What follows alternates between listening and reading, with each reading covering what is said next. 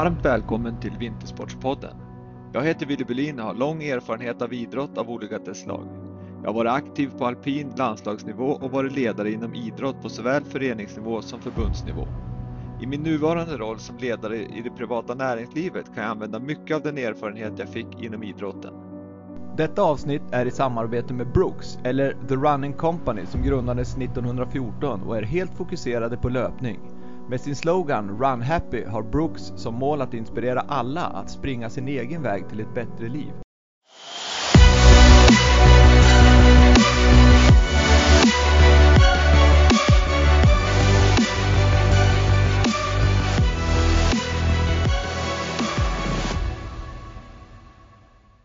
Dagens gäst i Vintersportspodden, den alpina stjärnan Sara Hector. Varmt välkommen till Vintersportpodden Sara!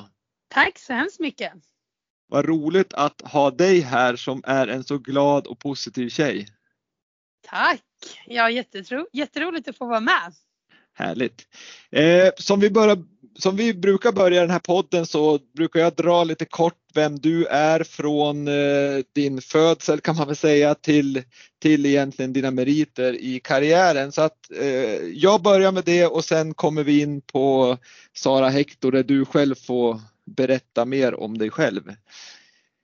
Men eh, Sara Hector är född och uppvuxen i Sandviken. Hon har två syskon och föräldrar, bor numera i Duved i ett nybyggt hus. Hon tävlar för Kungsbergets alpina. Eh, vid sidan om sin satsning så har hon bland annat en blogg på sin hemsida men framförallt så studerar hon ekonomi och psykologi. Hon är en målinriktad, glad, social och väldigt entusiastisk tjej som eh, alltid har nära till skratt. Hon gillar frisk luft, härliga vyer och känslan av frihet. Hon har tre VM-medaljer, tre pallplatser i världscupen varav en seger, tre junior-VM-medaljer varav ett guld.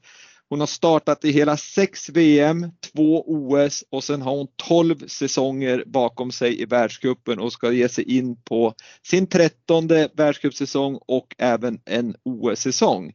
Vad säger Sara Hector om den sammanfattningen? Ja, vi har målat upp mig snällt. Tack så mycket för det. Eh, nej men eh, det är absolut, det har varit en, eh, ganska många år nu som jag har kört i världscupen. Eh, så nu börjar jag känna mig gammal och rutinerad. Ja, du, du har ju, du måste ju tillhöra ändå de här mest rutinerade tjejerna på, på touren va? Ja, det är ju så nu ändå. Tiden ja. går fort när man har roligt. Hur, hur, tycker du det är då på, om du ser på, på touren liksom där det finns tjejer, jag menar du gjorde din första världscup när du var 17 år och det är likadant nu att det finns de som kommer in som 17-åringar och du, du är ju lite äldre än så, snart 30 och, och hur, hur, hur, hur tycker du, liksom hur funkar den matchningen i, i ett lag eller liksom i, i, på touren som sådan? För det är ju vitt, lite skilda eh, vad ni har för liksom erfarenheter och så vidare. Ja men det är klart man är kanske på också olika stadier i livet. Det är väl det som man kanske märker mer när man är i lag tillsammans sådär att eh, jag minns när jag fick köra min första världs, eller inte kanske första världscup men någon gång där i början och jag var borta lite mer med de lite äldre och det var mycket prat om inredning och inredningstidningar och det var bröllop och allt möjligt som var liksom så långt ifrån eh, den värld som jag levde i då när jag aldrig ens hade haft en kille och liksom inte tänkte ett dugg på inredning. Till såklart den värld jag lever i nu där livet ser annorlunda ut. Mm. Eh, och när man är lite yngre kanske man ser ännu mer bara skidåkning och den sidan av sig själv. Och sen får man ju eh, kanske lite mer perspektiv på livet när man blir lite äldre. Eh, men det, alla liksom tider har ju sin fantastiska skärm. Och jag skulle ändå säga att det går väldigt bra att vara ett landslag oavsett vilken ålder man är i. Och alla är ju där för att bli så, eller prestera så bra man kan och, och nyttja träningarna till det som eh, man kan få ut mest utav. Så att eh, det, det går fortfarande väldigt bra ihop i ett lag men det är klart att man är på kanske lite olika stadier i livet ibland. Mm. Men, men hur, är det någonting du liksom känner att du bär med, med dig sen du var, själv var liten och, eller liten, du var ung och, och kom in i lag och det var andra rutinerade tjejer som, som, som var med som, som eh, är det någonting du har lärt dig från, från den tiden som du själv nu kan använda och för jag tycker verkligen att det måste vara väldigt viktigt att ni äldre och mer rutinerade ändå är stöttande även om de här yngre kan sväva ut ibland. Hur, hur känner du där? Jo men det är klart, men jag skulle säga att när jag kom med i laget så där finns det mycket att lära av de äldre. Att de gjorde det också bra. Jag fick mycket hjälp och mycket stöttning och även när det kanske gick lite sämre och jag tog det hårt så minns jag någon gång när Jessica sa att nästa år är det din tur och det kommer komma och liksom den peppen att också känna att eh, de äldre kan visa vägen lite grann är ju viktigt och också ha äldre att, att tävla mot på träningar. Liksom att få den sparringen är också såklart guld värt. Mm.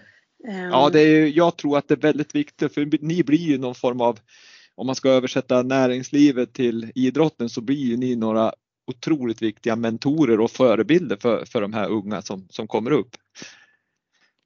Jo, nej men det är klart, eh, det tror jag absolut att, man, att det påverkar och absolut hela stämningen och liksom kulturen som är påverkar. ju. Så eh, jag hoppas att vi sätter en bra kultur och bra stämning. Ja, det tvekar jag inte på. Med din, din härliga eh, attityd så lovar jag att, att eh, du bidrar med det, det, bästa man kan göra i alla fall. Men eh, Sara, vi ska backa bandet lite grann eh, och börja med din bakgrund. Om, om du skulle kunna berätta hur, hur, du växte upp och vad du höll på med för idrotter och varför du blev skidåkningen som, som som eh, du valde att satsa på i, i din ja. karriär? Ehm, jag är uppvuxen i Sandviken ehm, och det ligger ju ja, men i Gästrikland, ehm, ganska nära Gävle. Vi hade en skidbacke i Kungsberget eh, som det ligger nära Sandviken, en jättefin skidbacke som egentligen inte bara är en backe, det finns 16 backar ungefär eller någonting mm. sånt. Ganska många nedfarter. Um, och där vi hade möjlighet att träna mycket både på helger och kvällar och så. Och hela min familj är en familj som verkligen tycker om att åka skidor och älskar att vara ute i naturen och eh, få ja, ja, verkligen också tror jag skidåkning ligger väldigt varmt om hjärtat eller det ligger väldigt varmt om hjärtat för alla. Och mamma och pappa eh, de ville åka mycket skidor. Det var en av anledningarna till att egentligen kommer båda lite mer söderifrån i Sverige. Pappa är från Skövde och mamma är från Stockholm. Men så ville de vara på ett ställe där det var vinter eh, på vintern också, inte bara liksom regn. Eh, så då så tyckte de att Sandviken var en, liksom ändå tillräckligt nära söderut men ändå i, där det var vinter liksom. Så det, det blev därför. Um, och så ville de eh, åka mycket skidor och tyckte väl att det var lämpligt att uh, vi i vår, liksom jag och mina syskon började åka skidor också. Och jag vet att då kunde de någon gång sådär vara ute och åka lite själva när det var slalomträningar och tyckte det var härligt. Ehm, men sen så fastnade ju både jag och mina syskon och mina föräldrar ordentligt i sporten och alla är väldigt tävlingsinriktade och eh, drivs och motiveras verkligen av att tävla, tävla och utmanas och, få växa och utvecklas. Eh, så det blev ganska snabbt att vi tyckte det var roligt att tävla också. Ehm, och, ehm, Men höll du på med några andra idrotter när du var ung eller? Mm, jag spelade fotboll och lite friidrott och eh, golf och ja, är, kanske är, är det någonting som du känner att du har fått nytta av nu liksom, i din skidåkning, att du har hållit på med andra idrotter? Då tänker jag ja, dels på kanske den här lagdelen i fotbollen då, men, men även då i rörelsemönstret med, jag menar friidrott kanske du fick koordination och, och, och explosivitet och så vidare. Och, och, är det någonting du känner att du har nytta av eller, eller hur, hur, är, hur är din syn på det där? Ja, alltså jag tror verkligen att man har det. Eh, men jag kan inte säga, jag är ingen idrottstalang liksom så. Jag är, jätte, jag är duktig på att åka skidor. Men jag var aldrig direkt duktig på fotboll. Jag var säkert den på planen som sprang mest och nuddade bollen minst. Eh, så jag, jag är nog, skiljer mig kanske lite från många andra där som ändå generellt sett, alltså som är duktiga alpint är väldigt duktiga i det, de flesta idrotter vad de än håller på med. Men eh, jag skulle ändå säga att jag inte faktiskt är så duktig Eh, utan jag, jag, har kanske många andra delar som har gjort att jag har blivit duktig och säkert att jag mentalt har en bra inställning och tycker om att kämpa och ta i.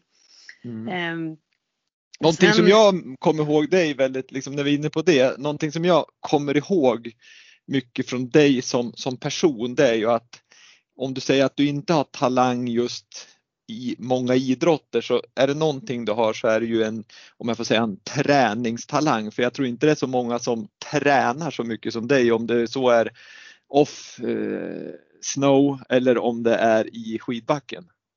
Nej, nej men så är det genom åren så är det nog så att jag är nog en, absolut en av de som har tränat mest. Eh, och eh, Ja, det är klart, det är också en typ av talang. Så jag, ja, jag, jag, jag, har absolut talang men kanske inte just eh, så att jag har jättelätt för att eh, bolla eller mm. ja, vad det nu kan komma till. Så, men jag tror absolut att jag ändå har haft nytta av att jag har hållit på med andra sporter också för hade jag inte gjort det hade det säkert varit ännu sämre. Ja, liksom. När jag började på gymnasiet fick jag höra att jag inte fick nudda bollen när vi spelar volleyboll. Så att, eh, jag, jag, kan väl inte direkt säga att men jag har kämpat mig fram i, i många idrottsliga sammanhang sådär. Ja. Men det men kan man göra. Ja absolut och jag, jag, tror att liksom den här träningstalangen, ska du komma och nå fram någonstans, du måste liksom tycka om att träna för annars kan du vara hur mycket rörelsetalang som helst när du är liten men tränar du inte så blir det ju som ingenting ändå. Men, men Sara, jag måste fastna där lite grann med att du, du har ju alltid gillat att träna och du har åkt väldigt många åk i backen och du har fysa bra och så vidare. Känner du att i laget att det har varit problem liksom att, att du vill kanske träna mer åk och vara i backen längre än många andra och att det har liksom blivit svårt när man kanske är på en glaciär och vissa vill åka ner, du vill vara kvar. Är det någon, har man löst det bra eller hur, hur känner du där? Ja men genom åren har det ju absolut ibland varit problem. Ehm, det kanske så här, typ som på Juva så kanske det blir lite jobbigare där alla måste åka en buss än om man är på ett ställe som Sassved där man kan ta gondolen in när man vill. Ehm, men generellt sett så tycker jag att tränarna har, har löst det bra. Specifikt eh, som jag har haft en tränare väldigt mycket, Hans Ottosson som har betytt mm. jättemycket för mig. Och eh, han har ju alltid sett till att, att jag har fått träna det som jag har behövt liksom, som har varit bra. Eh, så eh, i, i, perioder så kan det väl ha varit ett problem. Eh, men många gånger så har det också ändå tillgodosetts det behovet. Men då känner du, liksom om du tänker ända från att ni var i Kungsberg där till att där du är nu och där du säger att du har fått bra stöd av, av Hans Otto Ottosson bland annat. Men mm. även när du var yngre att, att ha ledarna varit väldigt, väldigt viktigt för dig genom åren, liksom att du har haft bra stöd från dem. Ja, det skulle jag verkligen säga. Ledare är ju jätteviktigt. Eh, det tror jag är en av de viktigaste sakerna man har. De ger ju förutsättningar för att lyckas. Och Eh, ge förutsättningar för att få träna på det man behöver och, och, lägga fokus på det som är viktigt. Så ledare är jätteviktigt och det är absolut, det tror jag verkligen, det är en väldigt viktig grund för att lyckas. Och, eh, men som i Kungsberg, där hade jag också väldigt bra stöd av min familj och mamma och pappa har ju varit väldigt engagerade och, och jag sa här eh, till min kille häromdagen att när jag, när jag var liten, jag förstår inte hur jag orkade men jag vet att vi kunde när det var sportlov sådär, då var vi uppe och tränade i Kungsberget ja, men från det att Kungsberget öppnade kanske klockan nio till att de stängde vid, kanske klockan fyra då. Så mm. var vi bara inne lite snabbt åt lunch, tränade hela dagen och sen var vi, när lyftarna stängde, då var vi kvar i Kungsberget, spelade lite spel, åt middag och sen gick vi ut och tränade mellan 6 till 8 på kvällen också för då hade vi ju klubbträning. Ja just det. Så det var ju extremt långa dagar. Och att jag och att mina föräldrar orkade det, det är verkligen det är fantastiskt. Så det är ja. väl förmodligen mycket därifrån det kommer att man ska nyttja varje liksom, stund man har. Både mina föräldrar är lärare och det är inte så att det har varit liksom, en fantastisk inte överdrivet bra ekonomiskt så då måste man också vara lite smart med vad man gör och nyttja det. Så ja. det är väl säkert också ifrån det det kan komma. Ja men det, det, det är ju härligt att höra att, att det liksom inte är, ja men att man verkligen ta vara på, på det man har och är nöjd med det man har och, och, och nyttja det. det. Det är ju det behöver inte bli bättre för att man ligger på någon super alport och, och nöter utan det går lika bra i Kungsberg. Det tycker jag är härligt att höra. Ja, men så är det ju verkligen.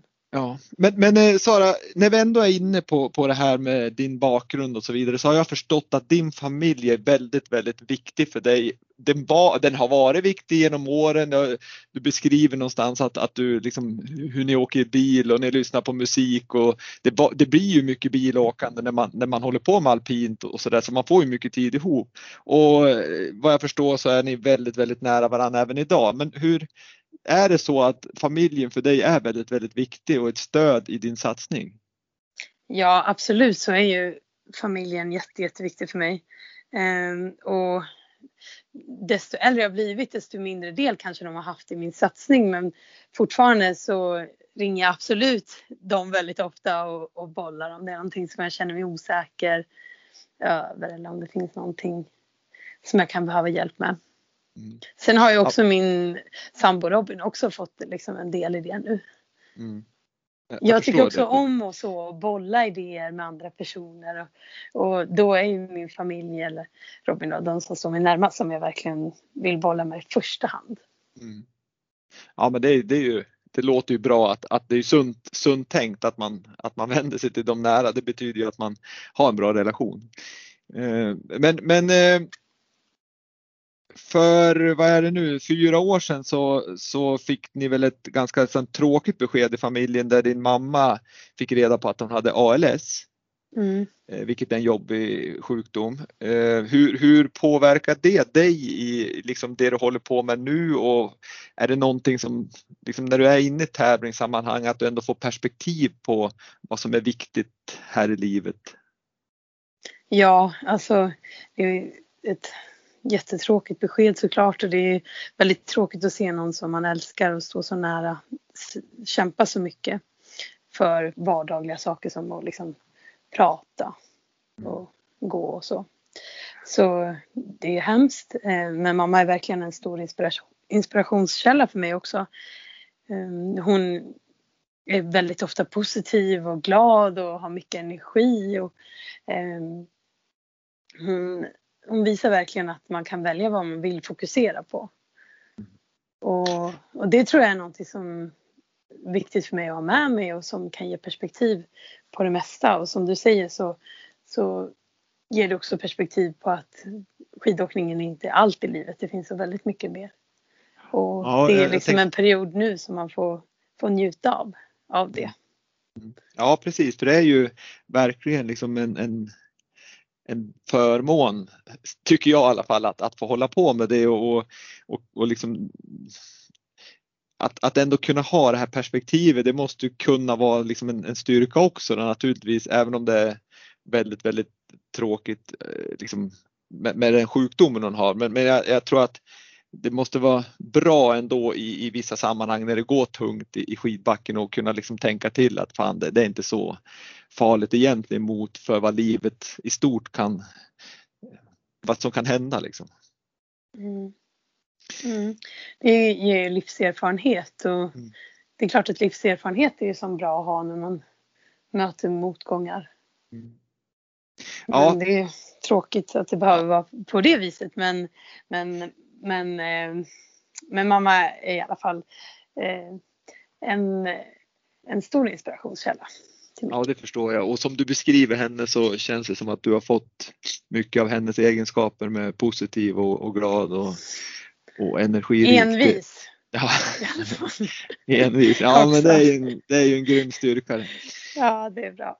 Men du, vi var inne på Kungsberg där men sen flyttade du på skidgymnasiet upp till Järpen i Åre. Exakt. och gick där i fyra år. Mm. Hur, hur, var den tiden? Hur var det att komma dit och kände du att du fick en, en rejäl liksom, skutt i, ditt, i din träning när du kom in på skidgymnasium? Ja, eh, det var ju såklart eh, jätteroligt att få komma in på ett skidgymnasium. Det var ett jättestort mål för mig som jag hade. Ehm, så där var ju direkt en riktigt bra start eh, och ett skidgymnasium ger ju verkligen möjligheter att både få studera riktigt bra och, eh, samtidigt kunna helt satsa på idrotten. Mm. Så det var ju verkligen grymt. Um, sen det är klart att det är rätt tufft att flytta hemifrån när man inte är så gammal och ganska långt hemifrån, var fem timmar. Um, så det blev en stor förändring i livet. Um, men det, det var också roligt att komma till ett ställe där alla har alpint som största intresse och satsar på att bli bra. Kände du när du gick på skidgymnasium att, för ibland nu hör man nästan att ungdomarna som kommer in på skidgymnasium att, att de får en mindre träningsmängd än innan. Men hur, hur var det för dig? Vad blev det en stegring för dig så att det blev liksom en väldigt, väldigt positiv effekt? Ja, det, eh, vi var inte ute på så mycket höstläger eh, när jag gick i nian heller. Eh, så, men det, var, det blev en väldig stegring till år två i alla fall när jag kom med i juniorlaget för då åkte vi väldigt, väldigt mycket. I, mm. och sen, men i ettan på gymnasiet så åkte vi också mycket. Så det blev ju absolut en stegring. Och det blev ju definitivt stegring i vardagen så, eftersom man åker fyra dagar i veckan och så på helger med tävling och allting. Så att, eh, ja, det var ju absolut en klar stegring. Och det var ju ja, men... jätteviktigt och, och engagerade tränare som jobbar med det på heltid som är riktigt kunniga och så vidare. Så det var, det gav, det var viktigt för mig. Ja, det är bra. Är det någonting du känner där som, om, om du tänker tillbaks, som du skulle ha gjort annorlunda, antingen där eller att skolan som sådan skulle ha haft ett annorlunda upplägg, att de skulle ha haft mer, ja inte vet jag, kost eller att de skulle ha haft mer fokus på på äh, återhämtning eller fysträning på något sätt eller var det, tyckte du var perfect? Um, nej, men jag tror att något som är viktigt för skidgymnasium att göra är ju att jobba på att eh, att grupperna som man har är riktigt bra, att man jobbar på eh, på att skapa en bra gruppkultur. Mm. Så att det verkligen är ett starkt driv och att att det finns eh, ett starkt målfokus bland de eleverna som är där. För det gör ju såklart jättestor skillnad. Mm. Så det tror jag är någonting som absolut är viktigt att man, att man ser till att jobba med den kulturen som är på gymnasium. För det är det som jag tror i slutändan kommer göra störst skillnad om, om det går bra eller inte. Ja, för jag pratade med, med längdåkaren Johan Olsson i, i en tidigare podd Mm. Och han sa just när han kom in på skidgymnasium i Sollefteå att, att han hade, om man säger tur, för att eh, årskullen han, han eh, började med var väldigt liksom seriös. De hade den här kulturen du pratar om och de var liksom ganska duktiga allihop. Eh, jag själv har också gått på skidgymnasium och har man liksom lite otur så kan det vara som så att den kull man kommer in med eller, eller många som går där då skadar sig tidigt, de kanske mm. lägger av eller att någon bara ledsnar så att de inte liksom gör den här helhjärtade satsningen. Mm. Det, det, är väl det som är konsten att få till, som du säger, kulturen att man har en, ja, men en seriös träningskultur Mm. Ehm, så, så, att de som verkligen vill satsa inte liksom, ja, drabbas av de som inte riktigt vill det. Nej precis och det är jätteviktigt och väldigt avgörande verkligen. Ja. Och det är klart att det är ju inte alltid lätt om, om det är eh, andra som inte är det. Och typ som när jag gick, kom in i Järpen då så fanns det ju både riksintagning och regional intagning. Och eh, det var ju flera som hade blivit skadade och, och kanske flera som inte riktigt Ehm, hade nått så långt som de ville. Kanske ännu mer lite på det regionala där att eh, det var ännu fler som kanske inte riktigt hade nått de målen.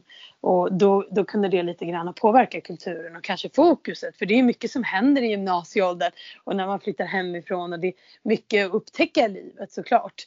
Eh, och det kan ju påverka vad folk som går på gymnasiet är intresserade utav. Men det påverkar ju också kulturen så det tror jag det är väldigt viktigt. För, för eh, eh, jag, jag, håller med dig till, till 100 procent för, för det är ju det, det, är ju så, man kan bli ganska ensam och jag tänker hur ser du på ni som var så duktig, ni kom ju med i ett juniorlag som du sa.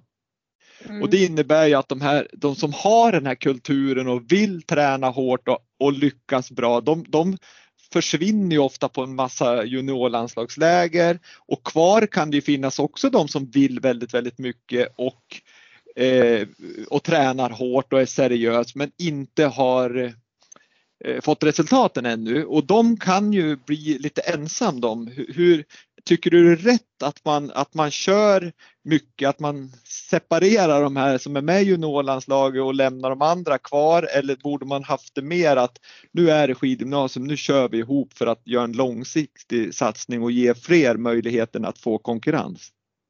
Ja, alltså det beror lite på eh, skulle jag vilja säga. Det beror kanske lite på, på vilken nivå man är, delvis på gymnasiet. Som jag vet eh, att då när jag började gymnasiet så då i första året så var ju Emily och Anna med. Anna är ett år äldre men Emily hon körde ju världscup redan i, när vi gick ettan på gymnasiet. Och då pratar um, vi Emily Wikström. Emily Wikström, ja exakt. Mm. Det var inte så tydligt kanske. Eh, men Emily Wikström, exakt, hon körde världscup redan i ettan på gymnasiet. Uh, och jag körde ju världscup där i tvåan och tog poäng i tvåan och så. Um, så jag tror så här, det beror kanske lite på om det är eh, vi ser herrar exempelvis där det är jättetuff konkurrens att ta sig in i världskuppen och även jättetuff konkurrens att ta sig in i Europacupen och så vidare. Då, då kanske det är som du säger att det skulle vara bättre att, att behålla fler på gymnasiet och verkligen jobba med kulturerna på gymnasiet och att man sätter upp kanske tydliga målkriterier vad som krävs för att åka iväg på Europacup och att man istället ser till att pusha så att det finns en tydlig kultur att ta sig iväg på Europacup. För jag tror att det är jätteviktigt att ha gymnasium som är väldigt bra. Eh, som håller hög nivå. För det är också ett sätt såklart för skidförbundet att kanske kunna vara smart med sina resurser. För det är ju begränsad mängd resurser. Mm. Eh, och, och då kanske man kan hålla en högre nivå liksom genom allt. Eh, så, så kan det ju vara såklart. Mm. Eh, men, jag... men, det är svåra frågor, så är det. Men, men det är absolut väldigt intressant sätt att se på saken och, och, det är klart att det kan ju splittra gymnasium och att eh, eh, fokuset kanske inte blir det som man skulle önska eller att det kan påverka gruppkulturen negativt runt om på olika gymnasium och det, det är ju tråkigt. Ja, jag, jag, tror att det, jag, jag, tror att det, man, det är någonting i alla fall, men jag gillar ditt sätt att se på det just med att kulturen är en så himla viktig del av eh, hur det blir i slutändan. Mm. Eh, men, men, om man tänker där då, du, du säger Emelie Wikström åkte världscup när hon gick i ettan och du tog poäng när du gick i tvåan och det finns ju fler, eh, jag skulle säga framförallt tjejer som har liksom slagit igenom väldigt, väldigt tidigt. Mm. Eh, ser du någon liksom koppling till att man drar igång så tidigt? Man går liksom från att ha tränat i Kungsbergets ändå då, det är jättefina backar där men ändå ganska enkla. Kommer ut i världskuppen, man startar sent, det är ganska ibland väldigt svåra backar, det kan vara väldigt, väldigt isigt. Mm. Är det för stort steg där? Kan det ha någon koppling till skadorna? Som det har ju varit en hel del skador i, i, inom alpint. På knän då framförallt. Kan du se mm. att det går för fort där i utveckling, utvecklingen? Ja, det är en jätteintressant fråga. Um, och också jättesvår för mig att besvara faktiskt. Um, men, men jag vet inte, alltså, för jag hade ju, det är nog kanske, det, det var man kanske kolla lite grann på liksom från individ, eller jag skulle nog behöva lite mer data för att kunna svara på den frågan egentligen. Ja. Men jag kan ju utgå ifrån mig själv så såklart när jag kom in i världskuppen. Um, och jag hade en jätte, jättebra utveckling från det att jag gick i ettan på gymnasiet till det att jag gick i tvåan på gymnasiet. För när jag gick i ettan på gymnasiet så var jag 11 sekunder som bäst eh, från att vara vinna en Europacup. Ja. Till att i tvåan då eh, komma tvåa första Europacupen jag körde och sen ta världscuppoäng den tredje tävlingen på året eller någonting. Ja, du, det är en eh, utveckling. Vad, vad, kan du göra, säga något specifikt där som, som du gjorde? Jo, ja, men då hade det var ett det första året då jag körde med Hans Ottosson och även Johan Hyljenmark. Men Hans betydde, Otto då, han betydde jättemycket för mig och var väldigt noga med att på träningar att jag aldrig fick vara självkritisk. Jag har ganska stor tendens att vara lite för självkritisk och också på så vis tappa självförtroende. Och det är någonting som är jätteviktigt i alpin skidåkning, att verkligen tro på sig själv och fokusera på rätt saker. Men hela den hösten så fick jag aldrig säga någonting negativt vad jag gjorde. För han, redan efter första lägret så sa, sa han till Johan då, som var med att jag vet inte hur jag ska klara ett år med de här. Det var jag och Anna Sven Larsson då och Emelie Wikström och ja, några fler, Nathalie Eklund bland annat. Eh, och han tyckte att vi var väldigt negativa. Kanske specifikt jag och Anna då var väldigt självkritiska och negativa. Eh, så då satte han upp som regel att jag inte fick säga någonting negativt vad jag gjorde utan bara fokusera på det jag gjorde bra och utvecklas ifrån det jag gjorde bra och, och fokusera på det. Och jag tror att det, det i kombination med att vi ändrade då lite på positionen Eh, till att verkligen, han är väldigt, väldigt duktig på att jobba med grunder och se liksom grunderna i skidåkning. Och när jag jobbade på grunderna tekniskt så gjorde mycket övningar för det, åkte mycket skidor eh, och verkligen jobbade på det mentala genom att tänka mer positivt så, så gav det en extrem utveckling för mig. Ja, men han är ju, han är ju, tycker jag, jag jobbar med Hans Ottosson själv och jag tycker att han är en mycket klok människa och en, liksom en tränare som tar det han gör det absolut inte krångligt utan han Nej. ser verkligen grunderna och det tror jag var jätteviktigt för er tjejer men sen hade han ju även eh, ja, Myrers generation också mm. som han var med och byggde liksom mm. från grunden och, och, med enkelhet och sunt förnuft. Så, så mm. det tror jag var väldigt liksom, viktigt. Ja verkligen. Nej, han, är, han är verkligen som du säger, jag tycker också han gör det verkligen enkelt. Mm. Eh, och det är också väldigt enkel feedback så i backen. Han har varit med nu flera gånger här eh, på senare år också för mig och efter varje träning med honom känner jag mig tre gånger så bra. Ja. Så, eh, så han är verkligen jätteduktig. Ja. Nej, det, det, är härligt att höra. Men sen då så, så hände det någonting där jo, december Men nu 2000... tappade jag, ja exakt, men jag kom ja. på att jag glömde din fråga. Det var ju, jag tappade helt fokus, det var inte så bra. Men tillbaka till din fråga om man skadar sig mer för att man kanske inte är förberedd för backarna och så. Jag mm. tror kanske inte det faktiskt. Mm. Jag, jag, vet inte, men jag tror inte att, att det går för fort framåt. Men Nej. jag tror att det är viktigt att, att man individanpassar en stegring vart man är och tävlar så att man alltid får känna att man eh, får dels det självförtroendet man behöver och också den stimulans och också att man ser till att man får den träning man behöver för det är ju väldigt, det är liksom A och O för att utvecklas. Ja. Jag tror också det är viktigt att man, att man verkligen gör den där, som du säger, individ anpassade träning eller upplägget för att jag menar, ska man ta med en som är 16-17 år, ja då, då kanske det passar bra i vissa sammanhang men inte i andra. Och den är nog viktig att ha med som ledare, att man har den kompetensen och, och, kunna känna av vad som är rätt och riktigt för just den här individen som är 16 eller 17 år. Mm. Ja, det tror jag verkligen är jätte, jätteviktigt.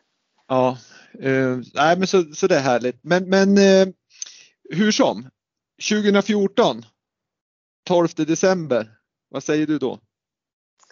Jag ska se, 2014, ja då tar jag min första pallplats. Ja, du tog din första världscupseger till och med va? 12 december, nej. Eh, min första pallplats då. Eh, min första världscupseger var Semmering så det måste ha varit, nej i Keytime men den är skuld, alltså den helgen, så 28 kanske. Ja 28 december, det stämmer. Stämmer det. Ja. Och 12 december var det, då var det ju för 17 i Åre. Mm. Som du tog din första eh, andra plats i, i eh, storslalom. Mm. Eh, hur, hur, var det liksom? Det måste ju ha varit en otroligt härlig upplevelse. Ja, det var verkligen fantastiskt. Nu var det länge sedan. Eh, men ja, helt eh, oväntat och eh, euforiskt. Riktigt häftigt. Ja, eh, jag fick själv faktiskt vara med och uppleva den där andra platsen i Åre som, som ledare med dig bland annat så det var ju mm.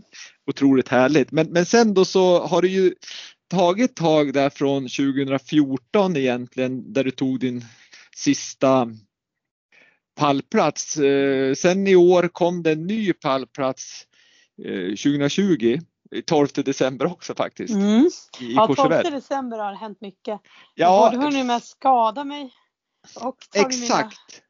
Jag, jag tänkte säga det för då hade du de där två pallplatserna. Sen dröjde det från säsongen 2014-2015 till säsongen 2020-2021. Mm. De åren har det ju ändå hänt lite för du sa 12 december 2014 kom första pallplatsen, sen 28 december 2014 första segern och sen ironiskt nog 12 december 2015 i Åre igen. Mm. Då fick du en ganska otrevlig skada på, på, i knä. Mm. Hur, hur, alltså ja. den skadan. Den dagen är speciell för mig. Ja, kan du berätta om den skadan? För den var inte helt okomplicerad.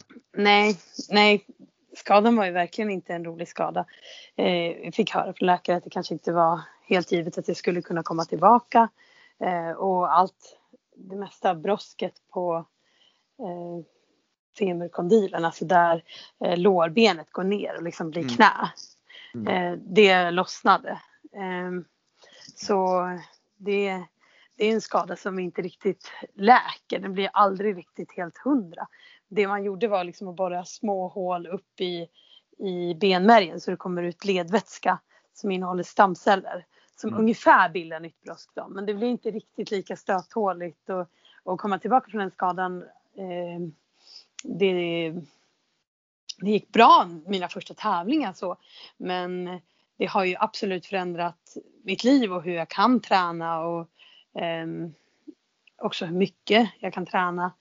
Eh, ja, det påverkar det även alltså nu också. Vad, är det du inte kan träna på grund av den där skadan?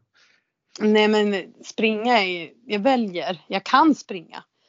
Men jag väljer att inte springa för att eh, det, det, det sliter för mycket på bröstet mot okay. jag får ut liksom, om jag vill ha ett friskt och riktigt fräscht och bra knä och åka mycket skidor på så jag får liksom välja lite grann vart jag lägger energin för det tål inte riktigt lika mycket som det gjorde innan. Och det är ju tråkigt liksom att få en sån skada och behöva inse att ja, jag behöver förändra väldigt mycket här och acceptera det. Liksom att nu är livet förändrat. Det var en ganska tung process.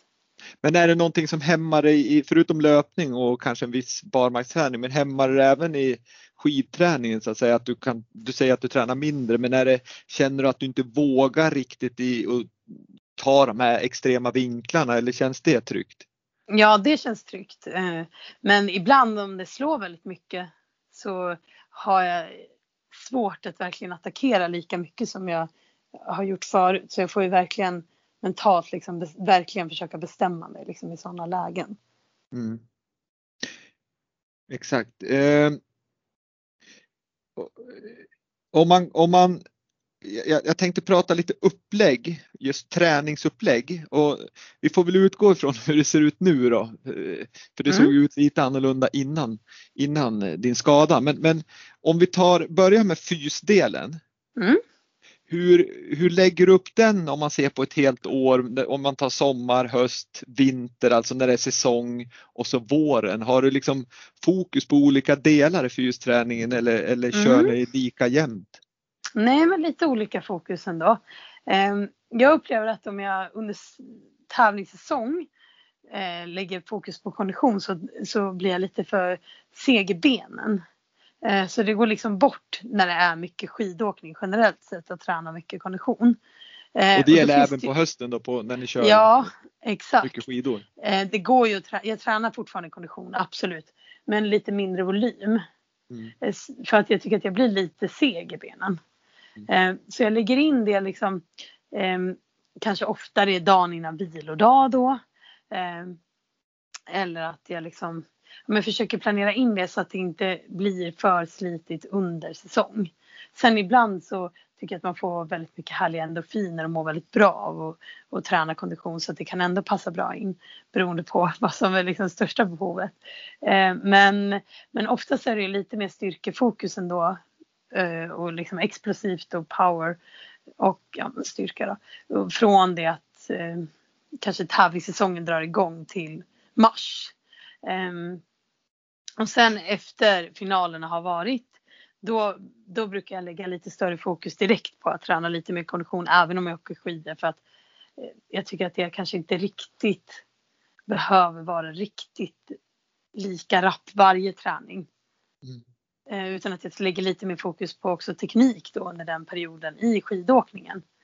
Ehm, och sen sommaren blir ju egentligen att bygga upp eh, både styrka och eh, kondition men ofta kanske lite mer fokus på kondition då eftersom att ehm, jag, jag, jag tränar lite mindre av det under säsong sen. Ja just det. Jag, jag vet att eh, Anja Persson var med i, i, i den här podden tidigare och då berättade hon om att man egentligen hade ett mobilt gym med sig i, i mm. packbussen. Har ni, har ni det fortfarande att ni börjar med att packa upp ett litet gym i garaget Jajamän. som ni kan köra? Ja, i år så var det lite sådär kallt på några ställen för covid fick man inte riktigt ta in överallt och det var krångligt. Så några gånger blev det gym i minusgrader ute i något kallt garage. Men eh, oftast hittar vi mysiga bra ställen att träna på. På hotellen så det är bra. Och då är det ju naturligtvis det ni fokuserar på då det är ju skivstång då med ja. där ni kör eh, benböj och frivändningar och, och sådana övningar. Mm, exakt, det är ju mycket benböj och ja, vi har en skivstång eh, och sen har vi med mattor och kanske någon sån här medicinboll mm. och kanske någon balansgrej och så. Så eh, men eh, och en cykel också. Cykel har ni, det ja, mycket. Det... Men, men om Ja just det. Men om man tar eh, skid, skidåkning då, hur, hur, ser den ut? Vila sommar misstänker jag någon månad. Mm. Och sen blir det höst och då lägger ni mycket fokus på, på, på kvantitet kanske eller liksom att komma igång och, och få den här skidåkningskonditionen eller hur, hur lägger ni fokus där? Jo men precis men vi får se, det är inte helt bestämt exakt när vi kommer dra igång än eh, nästa år men jag hoppas någon gång i juni, juli menar jag, ursäkta. Eh, någon gång i juli vore bra och så sen så kör vi Påsölden kommer ganska tidigt så det är där slutet av oktober. Mm. Så då, då är det ändå viktigt som storslalomåkare att också vara redo. För att det drar ju ändå igång och det är också ganska skönt om man kan få en hyfsad start. Liksom. Det ger ju alltid en bra trygghet att jobba vidare ifrån. Um, ja och sen så, så det är, på hösten så åker vi såklart mycket fler åk än vad vi gör, eller, ja, men ofta generellt sett mer åk än vad vi gör under tävlingssäsong när, när, när ni har tävlingssäsongen då är det ju, blir det mer liksom fokus på teknik och underhåll än liksom att ni ska nöta på hela dagar då? Ja, exakt. Eh, det kan ju också vara kanske några små detaljer ibland med material eller att eh, ja, det, och det är också lite individuellt. Men ja, jag tror att ofta under säsong kanske jag tycker om att ligga på en åtta åk. Ja. Kan hålla mig rätt fräsch. Så, men ja. det beror ju lite på. Det beror såklart på hur lång åk, åkningen är och så. Ja. Men sen så, så är det ju som så att världskuppen tycker jag, eh, eh, den är ju slut väldigt tidigt. Alltså skulle jag få bestämma då skulle jag ju hellre lägga världskuppen lite senare och nyttja våran härliga vår att, att att åka mer skidor då, kanske när man lägger liksom världscuptävlingar i, i Norden lite senare, kanske till och med i början av april skulle man kunna få till det. Eh, för att det är ju en otroligt härlig tid att åka skidor nu på, i, i, på våren. Ja, eh, men nyttjar du våren mycket till eh, skidtester och liksom teknikförberedelse inför kommande säsong eller hur, hur, hur nyttjar du våren? Ja, men det har jag gjort absolut den här våren har jag nyttjat till både skidtester och, och teknik. Så jag har haft, eh, min serviceman har lämnat en hel del skidor hos mig här som jag har testat lite emellan. Eh, och han var också uppe en vecka. Vi gjorde lite tester ihop. Eh, men annars har det varit eh, stort fokus på teknik och, mm. och utveckla det vidare. Och liksom lägga en bra grund för nästa år. Hur mycket är du delaktig i eh, materialutvecklingen? Har du en stor roll på ditt skidmärke eller, eller får du bara modeller? Ja, jag kan absolut vara med och påverka. Eh, så. Jag har fått frågan om hur jag tror att den perfekta storslalomskidan ska vara. Men det, mm. det, är faktiskt riktigt svårt ändå att vara med och utveckla. För att eh, har aldrig jag riktigt, nu har blivit lite mer just i år också för att jag har fått en serviceman från Head då som jag jobbar väldigt nära och då jobbar ju han väldigt nära fabriken så då får man också lite större inflytande. Men eh, ehm, men det är absolut en utmaning och det är inte så lätt att veta exakt hur och vad, eh, vad som är viktigt och hur en skida är uppbyggd. Det är knappt så jag vet det. Det är eh, en stor vetenskap bakom det där och väldigt eh, intressant. Ett fält som vore roligt att djupdyka inom. Ja, ja men det, det, jag har varit på sådana här fabriker och det är ju det är mycket liksom, man, man kan inte tro när man bara sätter på sig en skida så förstår man inte hur mycket jobb det ligger bakom med olika materialval och, och, lim och hur man pressar dem och, och, och allt vad det nu är. Ja, så att, det är rätt sjukt faktiskt. Ja. Och vad man kan göra så mycket olika ändå. Ja, verkligen, verkligen. Men du, eh, någonting som, som, som man kan fundera över, liksom, det var ju när man satt och kollade i vintras på, på, på världskuppen så var det ju någon, ett par tävlingar, jag tror två till tre tävlingar som det var väldigt, väldigt, väldigt isigt. Och där jag såg att du hade problem och du mådde inte bra efteråt. Du var ju väldigt, väldigt besviken och, och sådär. Du kvalade inte vid någon tävling. Hur, hur, eh, har du någon plan för liksom hur du ska hantera det för kommande år och har du några tankar på att OS, fasiken 2022 OS, tänk om det är isigt där, hur, hur ska jag hantera det? Mm.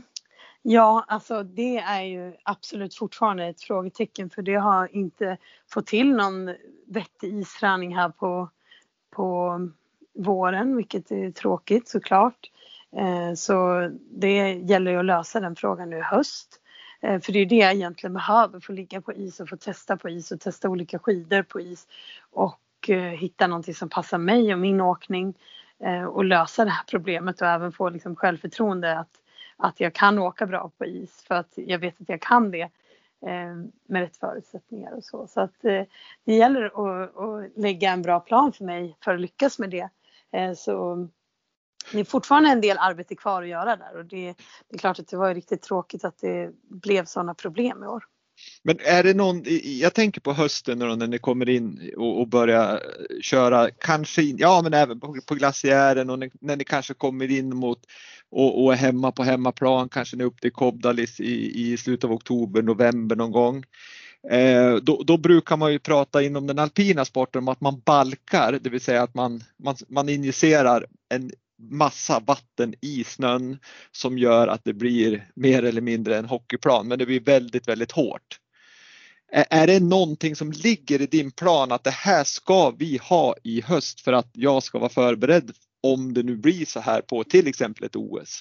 Ja, men eh, allt är väderberoende i den här sporten. Mm. och det är ju så här, man kan ju tänka att man ska balka men får man inte minusgrader och ett visst väder så är det jättesvårt att få till de typen av förhållanden. Eller om det blir liksom varmt över dagarna och kallt på nätterna så blir det ju också en annan typ av snö. Så det är ingenting man kan riktigt så här bara beställa som kanske i, i en hockeyrink där det kanske alltid är samma förhållanden så. Utan eh, det gäller ju att ha lite tur med det. Eh, att det blir det. Och allra helst innan sölden liksom, om jag hade fått välja. Så ja, Ja, jag förstår att det alltid är så, men det, det är egentligen ute efter det att det finns ändå en plan om möjligheterna finns att du ska liksom jobba med, mm. de här, med, den här, eller med den här bristen eller vad man ska kalla det. Ja men exakt, självklart ja. finns det en plan för att vi ska försöka lösa det men hur och var och när förutsättningarna ges för det, det vet vi inte riktigt än. Nej, Nej så är det. Hörru du Sara, Eh, hur tycker du den alpina sporten mår då i, i, stort om du tittar både globalt men även i Sverige? Liksom hur, om, om vi tar i två steg. Den ena steget är hur ser du på rekryteringen av nya stjärnor och nya Sara Hector och nya André Myhre tänkte jag säga. Det är den ena och den andra det är hur tycker du sporten skulle kunna utvecklas för att bli mer attraktiv till tittarna? Ja, Um, jo men eh, första frågan då, då, det är ju jättemånga som kommer upp speciellt på damsidan som är jätteduktiga. Eh, så det tror jag, eh, det finns många lovande framöver. Eh, på herrsidan är det lite tuffare kanske eh, och där gäller det ju att också jobba mycket med kulturen tror jag för att det, det ska lyckas. Eh, och i alla grupper liksom att de får upp också det här självförtroendet. Att de också tror på att de kommer lyckas och ha det som krävs för att göra det. För om de inte haft så många förebilder på senare tid så även i grupperna liksom så som är så blir det ju svårare. Så det tror jag är jätteviktigt. Att ja, ju, de visar varandra ju, vägen. Liksom. Ja men exakt, det måste ju vara otroligt viktigt att man har de här förebilderna. Eh, för jag tror att någonstans finns ju ett kanske utslitet uttryck men framgång föder framgång. Och det är ju en sanning egentligen i det att, att jag tror att en duktiga åkare drar ju med sig nya också. Ja, det tror jag absolut att det ligger mycket i det och, och också att eh, man ser och man motiveras att kämpa hårt för man ser att det går och så vidare. Eh, så det är någonting som om det inte kanske just nu är på ett vis så behöver man liksom jobba med det så att det, det kommer upp en sån eh, framtidstro att, att killarna kan liksom visa varandra och så att det går. Har du någon konkret sådär, det här borde man göra från Men, skit-Sverige eller från klubbar eller från förbund eller? Men jag tror verkligen att det ligger mycket i att skapa bra kulturer på gymnasium och se till att hela gymnasiegången att det verkligen är bra träning, kvalitativ träning under den perioden. För det tror jag gör, gör väldigt stor skillnad. Eh, och sen att, eh, att också hålla uppe liksom kvaliteten och, och motivationen under, ja men efter gymnasiet. Men det, det ligger mycket där i att, att, eh, att de som går på gymnasiet verkligen vill också och hitta en kanske en röd tråd från in, dels innan gymnasiet men gymnasiet och sen kanske inte alla har blommat ut när man går ut Nej, gymnasiet. Då måste det också verkligen. finnas ett alternativ så att man, ja men bland annat de här skidhögskolor eller skiduniversitet. Exakt. Men det finns och, ju många nu, ja, vilket har... är positivt. Ehm, men, ja, det är jättebra. Ja, verkligen. Så, men där tror jag att man kan jobba vidare liksom, på det och att det är liksom tydliga kanske kriterier in i landslaget och att man kanske har lite färre platser men att man kan hålla väldigt hög kvalitet på dem som är där så att eh, man verkligen har chans att konkurrera mot de andra länderna som också håller väldigt hög kvalitet. Om du tar den andra perspektivet då, ur ett liksom om jag tar ett globalt perspektiv, alpina sporten mot oss som tittar.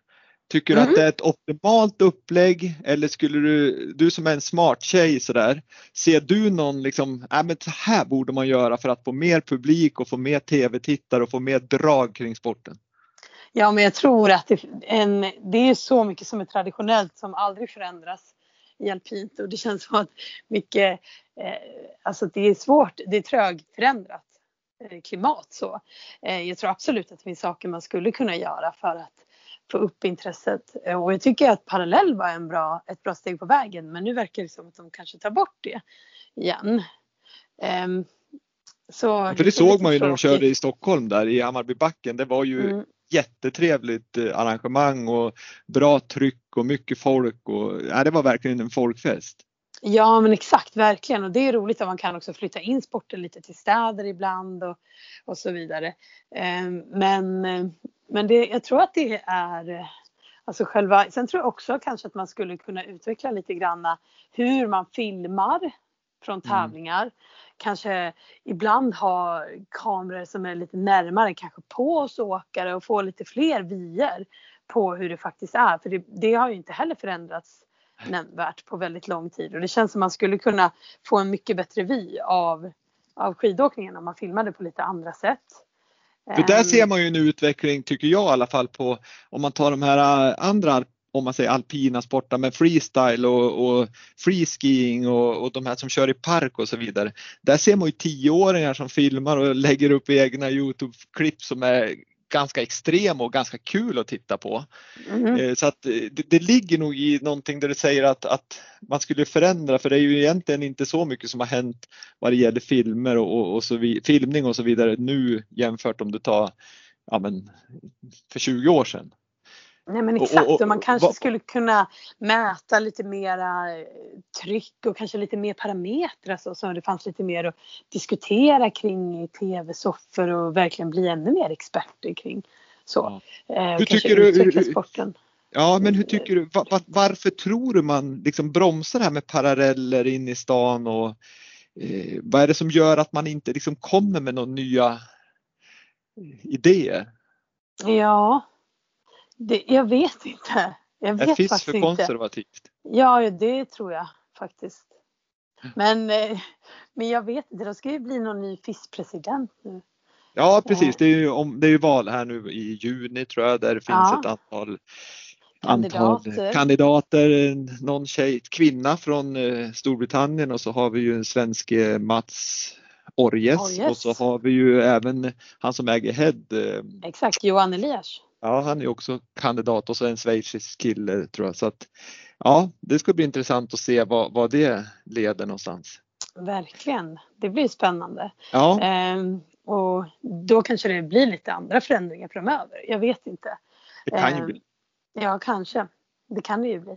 Så det blir ju spännande att se. Men jag, jag, alltså väldigt mycket i sporten är ju också fantastiskt roligt att se på. Men jag tror att man skulle kunna utveckla det grafiska och, och också eh, Sen programmet är också, det skulle ju verkligen kunna utvecklas. Det behöver inte vara exakt eh, så som Ja, det, det har alltid har också sett- legat. S- Sett lika ut och Ja.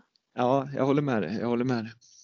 Sara, eh, tiden går och jag tänkte bara säga någonting som jag tycker är väldigt bra det du gör och, och det jag tror fler skulle göra faktiskt. Det är att man nyttjar den här tiden när man har förmånen att vara ute i världen och, och göra det bästa man vet, åka skidor och prestera i världscupen och, och liksom man har ett, ett härligt liv helt enkelt med med, med och få uppleva mycket också, både liksom natur och kultur och man får framgångar och man träffar mycket härliga människor. Men ni har också mycket tid som jag vet att du har nyttjat på ett väldigt bra sätt. Där du bland annat snart är klar eh, universitetsexamen från, i ekonomi. Du har eh, läst psykologi och, och också en examen där snart. Hur, hur ser du på det? Är det någonting som har varit en belastning och hur ser du att borde inte fler ändå ta, ta vara på den här tiden kanske och, och förbereda sig eh, för efter karriären? Ja, alltså jag tror absolut att det är individuellt vad man mår bra av. Ehm, så jag, jag vet inte om jag ska säga generellt så, men för min del har det varit jättebra. Jag känner att jag har fått stimulera min hjärna på många bra sätt och att man inte bara tänker röda blå käppar utan också ibland får ett avbrott och lite distans till det. Ehm, och sen så är det ju också någonting som har gett en liten trygghet att samtidigt också kunna läsa någonting vid sidan av och att det har, det har gett mig energi på väldigt många plan. Och, och jag tror absolut att, alltså man har ju mycket tid eh, så det känns roligt att också kunna nyttja den såklart. Och jag tror att många skulle tycka att det är väldigt roligt om de väl gjorde det. Eh, men det gäller såklart som med det mesta andra man gör att vara motiverad. För eh, annars blir det ju eh, svårt att kanske ta mycket mer energi än vad det gör. Jag tänker också på en, en sak som, som, som borde vara viktig. Det är ju just när du, när du, du har fokus ofta på det är tävlingar och det träningar och man är inne i sin bubbla ganska mycket. Att just kunna, det måste vara skönt också att kunna liksom få koppla bort eh, tankarna kring träning och, och, prestation och liksom hamna i en annan bubbla så att säga. Det, det måste vara skönt att få slappna av i hjärnan lite. Ja men precis. Det är, Även om du himla- anstränger dig. Ja, ja, ja, men under racesäsong så ibland kan det vara tuffare faktiskt också att liksom göra så mycket för ibland behöver man ju bara mental återhämtning. Men i, ibland så är det också så skönt att få få bara verkligen som du säger dyka in i en helt annan värld och få bli nyfiken på andra saker och för en stund kanske glömma bort eh, skidåkning för annars kanske man bara tänker skidåkning hela tiden och det kan ju det kan bli lite påfrestande. Men en grej som jag känner verkligen har hjälpt mig att Alltså, generellt sett så är jag en sån person som tycker om väldigt mycket att prestera bra och ha höga krav på liksom det jag ska göra och prestera. Men här har jag verkligen så bestämt mig att eh, jag inte har lagt liksom en värdering i om jag får A eller E på proven jag gjort. Utan mer verkligen fokuserat på att eh, jag ska lära mig det jag är nyfiken på och det jag tycker är intressant och klara kurserna. Eh, och sen har mitt intresse för det jag har läst och fått styra lite grann hur noga jag har gjort kurserna. Mm. Och kanske lite också hur mycket tid det har funnits just i livet när jag har gjort det såklart. Eh, men det har varit viktigt för mig att inte sätta jättehöga krav på att jag ska prestera överallt. För det kan ju också bli för mycket. Så jag tror att man får liksom även där så här, känna lite grann vad som funkar för, för sig själv så hitta en, en bra balans i det. Men, men många gånger tror jag absolut att det är bra att ha någonting vid sidan av som man kan få lägga sitt fokus på emellanåt. Ja, det tror jag är jättebra också. Nu har vi två, egentligen det var tre frågor kvar. Det är två lyssnarfrågor och sen en fråga som jag ställer till alla gäster som är med i Vintersportpodden. Ja. Eh, första lyssnarfrågan, den, den tycker jag är ganska intressant faktiskt just utifrån ett men mentalt perspektiv men även lite grann ur ett miljöperspektiv. Och det är ju, ni, ni åker långa sträckor ofta till en tävling. Det kan vara en resa till USA och så ska du tävla i din storslalomtävling eller slalomtävling och så sen gränslar du första käppen. Mm. Hur, liksom, hur orkar man med det mentalt? Man har rest halva jordklotet eller runt hela jordklotet och så sen står man där uppe och så, eh, eller egentligen vetskapen om att det här kan hända. Första käppen gränslar så är det bara att åka hem igen. Mm. Hur orkar du det mentalt? Nej men det är en del av sporten att det, det kan alltid gå bra och det kan alltid gå dåligt. Eh, och det gäller ju som jag sa innan att fokusera på rätt saker och då kanske man i den stunden, det är ju svårt att i den stunden så bara lära sig. Okej, okay, nu, nu gick jag för tidigt. Men ofta kanske det beror på att man är stressad eller någonting och då, då kanske man kan hitta sätt att lära sig mer om sig själv. Eh, och jag tycker att den utvecklingen är och både lära känna sig själv och lära känna sig själv i prestationsmiljöer och hur man kan prestera ännu bättre är jättespännande. Ehm, men sen så, alltså i stunden när det går dåligt så är det klart att det är ju omotiverande att, att prestera dåligt. Så är det ju. Mm. Men där gäller det att hitta sätt att, eh, att eh, tro på sig själv igen och det kommer ju nya chanser. Ja, för det är ju det är en speciell idrott måste jag säga, alpint så liksom att, att i princip då på en hel säsong så, så, så tävlar du egentligen en timme kan man väl säga. Ja, och sen max, reser liksom. du 200 dagar per år och tränar mm. ganska mycket. Mm. Så att det är ju, det är ju, en, det är ju det, det krävs väldigt... mycket mentalt av, ja. av det. Liksom, att du, du, har så kort tid på dig. Du, det går liksom inte att börja lite lugnt och komma igång efter halva banan utan det är ju från startlinjen till mål utan missar egentligen som gäller om man ska vara med och slåss om segern. Mm. Så är det och det är ju absolut eh, det är det som gör att det är en väldigt spännande sport. För ja. allt kan ju verkligen hända. Eh, mm. Så det, det är en stor utmaning i det här att liksom släppa på den kontrollen att kontrollera det för det går ju inte riktigt utan att verkligen eh, istället fokusera på det man kan göra bra. Ja, bra svar Sara. Då har vi en fråga till från Lukas i Sundsvall. Mm. Eh, hur har du förändrats från gymnasietiden? Alltså då tänker han på hur, hur vad det gäller kvalitet på träningen eh, på lång och kort sikt. Liksom. Hur, Alltså tänkte du annorlunda på skidgymnasiet jämfört med nu? Eh, hur du tränar kvalitativt? Ja, absolut. Jag tränade ju mycket mer eh, mängd och tyckte ju att mängden var väldigt, ännu viktigare då än vad jag tycker nu. Eh, jag tycker ju, absolut så är det ju viktigt att, att, få in mängd i eller liksom att träna mycket. Man blir ju bra på det man gör generellt sett. Men det gäller ju också att göra det man gör med bra kvalitet. Um, och jag tror att um, som yngre åkare så behöver man också lite mer repetitioner generellt sett. Och man behöver träna ännu mer. Men det, det, här är också individuellt. Allt är ju liksom individuellt. Det är därför man behöver hitta sin egen väg i sport. För det går ju aldrig att kopiera någon annans recept.